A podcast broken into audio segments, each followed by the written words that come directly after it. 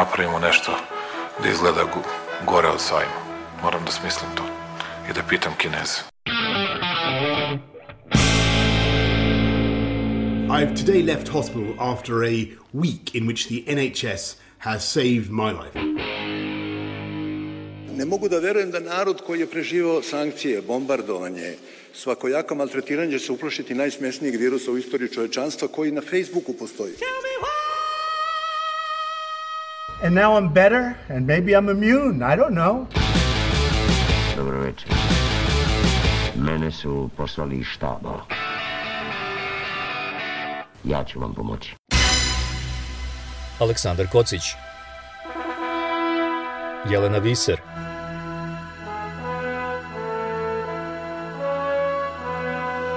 Radio Karantin Hronika istorije u nastajanju Dobrodošli u novu epizodu podcasta Radio Karantin. Sa vama su Aleksandar Kocić i Jelena Fiser. Mislimo da je ova epizoda malo posebnija, s obzirom da 10 meseci od proglašenja pandemije i nekih 9 meseci od pokretanja ovog podcasta počinjemo vešću da vakcina tu i da bi u veoma skoroj budućnosti pandemija mogla da bude zaustavljena. Srećno svima koji slavi.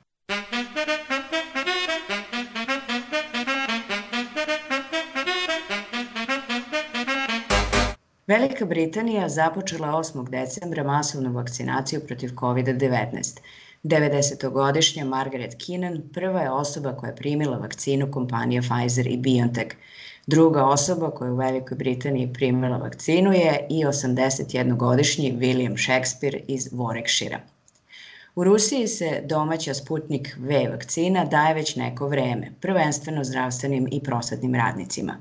U Evropskoj agenciji za lekove očekuju da će do kraja decembra dati prvo zeleno svetlo za upotrebu vakcina protiv COVID-19 na teritoriji Evropske unije, a da bi distribucija mogla početi već u januaru. Kole, hoćeš li se ti vakcinisati ako pretekne vakcina iza tebe? Nemoj tako ako pretekne. E, hoću, naravno, to se podrazumeva, trebalo bi da pretekne i za mene, ali dok ja dođem na red to će potrajati jer uh, ovde su u Britaniji napravili uh, plan vakcinacije, pretpostavljam da se ne razlikuje mnogo od drugih zemalja. I ja sam po starosnoj dobi i uh, zdravstvenom statusu u pretposlednjoj grupi za vakcinaciju, tako da ovaj, ću se ja verovatno malo načekati, ali da, naravno, ovaj, vidjet ćemo uh, gde ćemo ići, da li kod lekara opšte prakse u najbližu ovu ordinaciju gde si prijavljen ili u neku bolnicu. Samo sam teo još da ti kažem da sam danas pročitao nešto jako zanimljivo, da ovde u Britaniji čak razmišljaju, to me potpuno zbunilo, da čak razmišljaju da, pošto ne znaju sad kome će kad će koja vakcina da bude dostupna, pokupovali su i Pfizerovu i AstraZeneca i ovaj Modernu i tako dalje. I sad čak razmišljaju o, o mogućnosti da ti prvu dozu daju jednu vakcinu, a drugu dozu drugu vakcinu što meni deluje potpuno suludo, ali navodno, kažu naučnici, to je sasvim moguće, to je okej. Okay. Da su kompatibilne da su kompatibilne. Mislim, vidjet ćemo. Da ne bude beton. A, a ti, hoćeš ti da se vakcinišeš i kad? Isto potpuno i kod mene ja srećom eto ne upadam u te neke prioritetne a, kategorije tako da ću se i ja načekati ali rado. Rado se stavljam u red iskreno rečeno jedva čekam. Zvaničnici u Srbiji ranije su najavljivali da će vakcina protiv koronavirusa stići do nove godine, da će biti besplatna za sve i da će morati da zadovolji kriterijume Agencije za lekove. Predsednik Srbije Aleksandar Vučić izneo je pre nekoliko dana i neke detalje. Do sada smo preko COVAX sistema obezbedili za kraj ove i celu narednu godinu milion i 800 hiljada doza u ovom trenutku izgleda da će biti reč o Pfizer, BioNTech vakcini, ali pregovaramo i sa kineskim i ruskim partnerima. Eto ga stigo Vučić i uradio karantin, ko bi rekao, ali šta da se radi, taka je situacija. U međuvremenu Agencija za lekove u Srbiji do sada je dobila dokumentaciju za Pfizer-BioNTech vakcinu koja se sada detaljno ispituje. Rečeno je i da je u Srbiju stiglo 20 doza vakcine Sputnik V za laboratorijska ispitivanja, međutim nije potvrđeno da li je e, za Sputnik V stigla i prateća dokumentacija koja se odnosi, na klinička ispitivanja. A takođe ne znamo ni po kojoj ceni će Srbija nabavljati vakcinu. Hrvatska i Slovenija će vakcinu nabavljati preko Evropske unije, a vlade Crne Gore, Bosne i Hercegovine, Severne Makedonije i Kosova objavile su da će vakcine nabavljati preko programa COVAX i za sada je samo crnogorska vlada objavila da će cena doze koju će oni e, plaćati biti 8,84 evra, ali se ne zna za koju konkretnu vakcinu. Kosovska vlada najavila je da će jedan deo vakcina dobiti besplatno preko Kovaksa, ali da će i samostalno kupovati vakcine ako to bude bilo neophodno. Radio Karantin. Globalna trka za proizvodnju vakcine se nastavlja. Pfizer i BioNTech vakcina se već daje u Velikoj Britaniji, a očekuje se da je i Evropska unija i Sjedinjene američke države uskoro odobre. Moderna je takođe američka vakcina i njeno odobrenje se očekuje uskoro. Njena efikasnost je skoro 95%. Rusija je prva zemlja na svetu koja je još u avgustu patentirala vakcinu Sputnik V i za nju kažu da je efikasna 92%. Međutim, deo stručne javnosti u Rusiji kritikuje da je urađen nedovoljan broj kliničkih ispitivanja ove vakcine.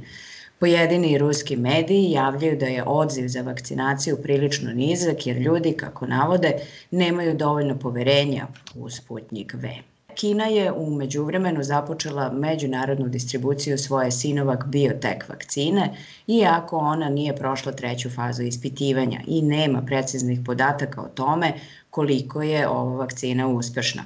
Kineski naučnici kažu da je njena prednost u tome što može da se čuva na standardnoj temperaturi frižidera i da je mnogo pogodnija za distribuciju zemljama u razvoju. Sinovac je doze već isporučila Indoneziji, a ugovorene su isporuke i za Brazil, Tursku i Čile. Slično je i sa AstraZeneca vakcinom. Njena uspešnost je oko 70%, ali je daleko jeftinija i lakša za čuvanje i transport.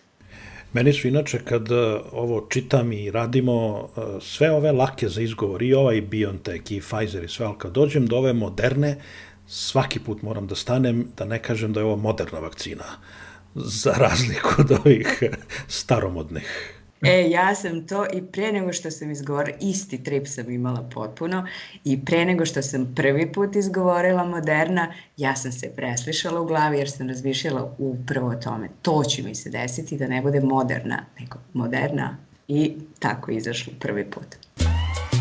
Radio Karantin. Cena svake doze kreće se od 3 do 39 američkih dolara, zavisno od vakcine. Prema podacima Forbesa, Pfizer-BioNTech vakcina košta 19,5 dolara po dozi, odnosno 39 dolara po pacijentu. Modernina vakcina košta 25 dolara po dozi. Ekonomski stručnjaci smatraju da cena vakcina neće rasti, jer se umeđu vremenu javljaju i drugi konkurenti sa svojim vakcinama. Johnson Johnson, recimo, čija vakcina je u trećoj fazi ispitivanja, procenjuje da će cena jedne njihove doze biti oko 15 dolara, a AstraZeneca vakcina mogla bi biti najjeftinija sa samo 3 do 4 dolara po dozi.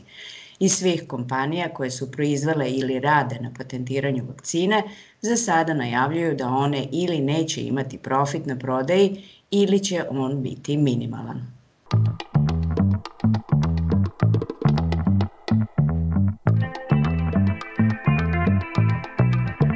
Radio Karantin. Čuli ste malo pre kako je Aleksandar Vučić rekao da će država vakcine pre svega nabaviti preko programa COVAX. Šta je zapravo COVAX? When the world has safe and effective COVID-19 vaccines, how can we make sure they reach the people that need them most? Today, there are many vaccines in development. Most will fail. For those that could succeed, governments are under pressure to secure supplies for their populations. If governments compete for vaccines, most countries could miss out. This is not only bad for countries that cannot secure their own supplies, it's bad for us all, as no one is safe until everyone is safe. Niko nije bezbedan dok svi nismo bezbedni, kaže se u promotivnom spotu programa COVAX. Za sada u tom programu učestvuju ukupno 186 zemalja, ali ne i Rusija i Sjedinjene države. Šta je tačno COVAX? To je program za ravnopravnu distribuciju vakcine kojim upravlja nekoliko međunarodnih nevladinih organizacija na čelu sa Alijansom za vakcine GAVI i Svetskom zdravstvenom organizacijom. COVAX funkcioniše zahvaljujući uplatama onih zemalja članica koje to sebi mogu da priušte i donacija. Na spisku donatora su fondacija Billa i Melinda Gates i kompanije Mastercard i TikTok. Najveći broj donatora ipak čine suverene države, na čelu sa Velikom Britanijom, koja je ovom projektu namenila preko 730 miliona dolara. Finansijski garant projekta je Evropska unija. E sad, od pomenutih 186 zemalja koje učestvuju u programu, oko polovine su one takozvane samofinansirajuće, dok drugu polovinu čine zemlje koje ne mogu samostalno da finansiraju nabavku i distribuciju vakcine. Od zemalja bivše Jugoslavije u toj drugoj grupi samo je Kosovo. Većinu čine afričke i karipske zemlje. Tim zemljama COVAX garantuje da će im do kraja 2021. obezbediti dovoljno doza da pokriju petinu stanovništva, što se smatra dovoljnim da zaštiti najugroženije grupe. Što se samo finansirajućih zemalja tiče, one će dobiti količine proporcionalne sumi koju su uložile u COVAX – Za sada nije poznato koliko je učešće zemalja bivše Jugoslavije.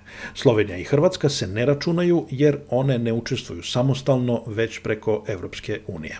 Čuli ste da je jedan od vodećih koordinatora projekta COVAX i Svetska zdravstvena organizacija. Tim povodom pitali smo port parola Svetske zdravstvene organizacije u Ženevi Tarika Jašarevića da nam pojasni kakva je tačno njena uloga. Svjetska zdravstvena organizacija je e, osnovala mehanizam koji ima za cilj da zemlje rade e, zajedno e, na principu solidarnosti kako bi vakcine bile pristupačne svim prioritetnim grupama u svakoj zemlji na svijetu. Znači, ono što bi mi voljeli vidjeti jeste da zdravstveni radnici, radnici koji rade sa posebnim grupama kao što su starije osobe, da ljudi iznad određene starosne dobi, kao i ljudi koji imaju određene hronične bolesti, a mi smatramo da je to 20% stanovništva u svakoj zemlji, da ti ljudi dobiju vakcine u isto vrijeme, nezavisno u kojoj državi žive. Do sada ogromna većina zemalja je pristupila tom mehanizmu koji se zove COVAX. Mi se nadamo da evo kako sada dobijamo rezultate kliničkih ispitivanja i kako zemlje budu odobravale upotrebu tih vakcina, mi sa naše strane ćemo također dati što se zove prekvalifikacija vakcinama za koje se utvrde da su bezbjedne i učinkovite, da ćemo onda imati određeni broj vakcina, ne jednu nego više, koje će biti dostupne zemljama i onda možemo svi zajedno pregovarati cijene i kupovati te vakcine i, i, i, i dijeliti između, između svih zemalja. To sve lepo zvuči, ali već sada je očigledno da postoji globalna trka oko toga ko će pre doći do što većih količina vakcine i da u toj trci naravno bogate zemlje imaju najbolju startnu poziciju smo pitali gospodina Jošarevića šta Svetska zdravstvena organizacija, koja je samo jedno savetodavno telo, može da učini da to spreči. Zemlje su suverene u tome da, da donose odluke koje misle da su najbolje za njihovo stanovništvo i mi možemo razumjeti da vlade zemalja vide kao prioritet vakcinaciju cjelokupnog stanovništva. Ono što mi pokušavamo da kažemo je da to ne samo da nije fair i korektno, nego isto vrijeme ovaj nije e, e, e, e, nije rentabilno za bilo koju zemlju, jer se ne može zaustaviti pandemija e, zemlja po zemlja, već se pandemija mora globalno zaustavljati. A da bi se globalna ekonomija pokrenula, upravo treba to uraditi, da se, da se pandemija zaustavi na globalnom nivou. Znači, a, a, troškovi i šteta ekonomska koja nastaje zbog svih restriktivnih mjera a, koje se uvode u raznim zemljama je ogromna. I ta šteta i ti troškovi će nestati jedino kada se na globalnom planu počne suzbijati pandemija, a ne kada se to, ako se to bude radilo zemlja po zemlja. Tarik Ješarević, port parol Svetske zdravstvene organizacije. Duži razgovor s njim postavit ćemo u ponedeljak 14. decembra.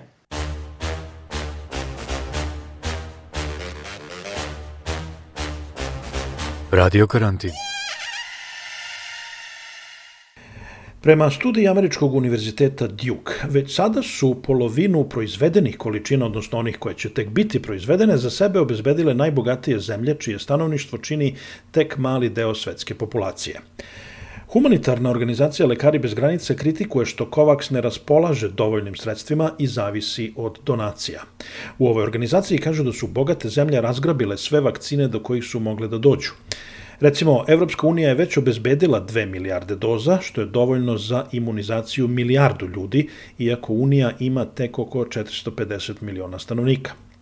Peter Lize, poslanik u Evropskom parlamentu, kaže da je svakako dostignuta dimenzija da Evropa može nešto i da prepusti drugima i da je važno što ugovori Brisela i proizvođača vakcina dopuštaju da EU besplatno ili za male pare ustupi vakcine trećim zemljama. Međutim, iz Organizacije za ljudska prava Medico International kritikuju ovakav stav i kažu da se tako cementira zavisnost zemalja u razvoju od Evropske unije. Karina Tojrer iz Evropskog centra za ustavna i ljudska prava kaže da pravo na zdravlje kod vakcina ima takvu težinu da bi one mogle da se proglase globalnim javnim dobrom. U prevodu države bi mogle da obavežu proizvođače vakcina da podele licence za proizvodnju. Tako bi se vakcina mogla proizvoditi svuda, iako tu ideju podržava Svetska zdravstvena organizacija, industrijske zemlje, uključujući i Evropsku uniju, blokiraju je. Radio Karantin. Američka uprava za hranu i lekove FDA objavila je dokument sa iscrpnim detaljima Pfizerove studije kojim će se koristiti u odlučivanju o puštanju ove vakcine u promet. Vakcina je testirana u različitim kategorijama, od ukupnog broja testiranih 49% su bile žene, 51% muškarci, Rezultati pokazuju da je efikasnost vakcine konstantna i ne zavisi od godina, pola, rase, komorbiditeta, odnosno udruženih bolesti. Visoka efikasnost od 52% postiže se nakon prve doze. Dva dana nakon druge doze efikasnost je 90%, a sedam dana nakon druge doze efikasnost je oko 94%. Manje od 5% onih koji su primili vakcinu su prijavili neželjene efekte kao što su povraćanje i temperatura. Najčešće prijavljeni neželjeni efekat bila je bol na mestu injekcije. U grupi koja je primila vakcinu bilo je dva slučaja smrti, oba u podgrupi 55 plus godina. Jedan je preminuo od ateroskleroze, drugi od srčanog zastoja 62 dana nakon vakcine i ni jedan od dva slučaja nije posledica vakcinisanja. Više ljudi je preminulo u placebo grupi, njih četvoro, u istoj starosnoj dobi nego u grupi vakcinisanih.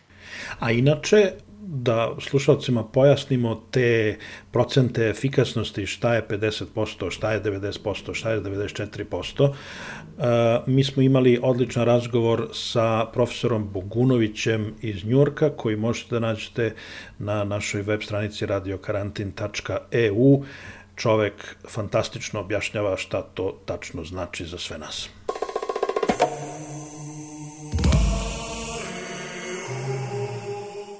I kad ste već ovde, mi bi da vas zamolimo za pomoć. Pomozite nas novčano. Svaka vaša donacija puno nam znači. Da pokrijemo troškove nabavke neophodne tehnike, postavljanja podcasta, održavanja sajta i promocije. I najmanja pomoć znači nam mnogo. Možete da nam pomognete jednom ili na redovnoj, nedeljnoj ili mesečnoj osnovi. Možete da nam date 1 evro, dolar, funtu ili šta vam je zgodno, a može i 100. Jednostavno je i ne oduzima puno vremena. Imate sve na našem web sajtu radiokarantin.eu. Hvala.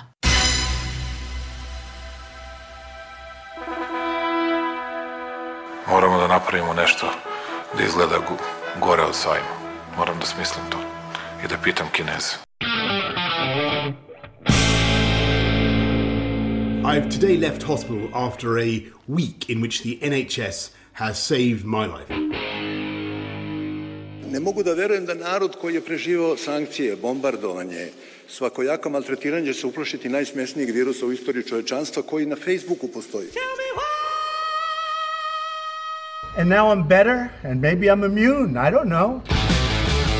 Dobro večer. Mene su poslali iz štaba. Ja ću vam pomoći. Aleksandar Kocić. Jelena Viser.